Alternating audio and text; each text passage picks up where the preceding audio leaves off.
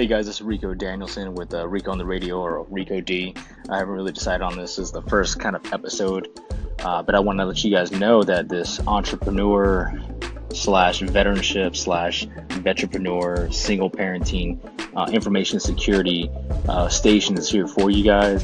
Uh, there will be no charge at all whatsoever. Uh, I just want to see if I can provide some content, some guidance, leadership in the spaces for veteran entrepreneurs, entrepreneurs, um, single parents, and the life lessons learned that um, not only myself that I've learned, but uh, fellow veterans, the stuff I've seen uh, while representing and helping clients in court, and also the funny stuff, the shitty stuff, and whatnot. So um, let me know your feedback. Let me know how this sounds to you guys, and I hope to link up with you guys. And this is gonna be a fun journey.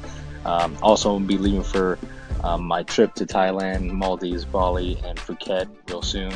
And I'm gonna try to do this at the airport, so I'm gonna put this in as rawest nature as possible. Okay, guys.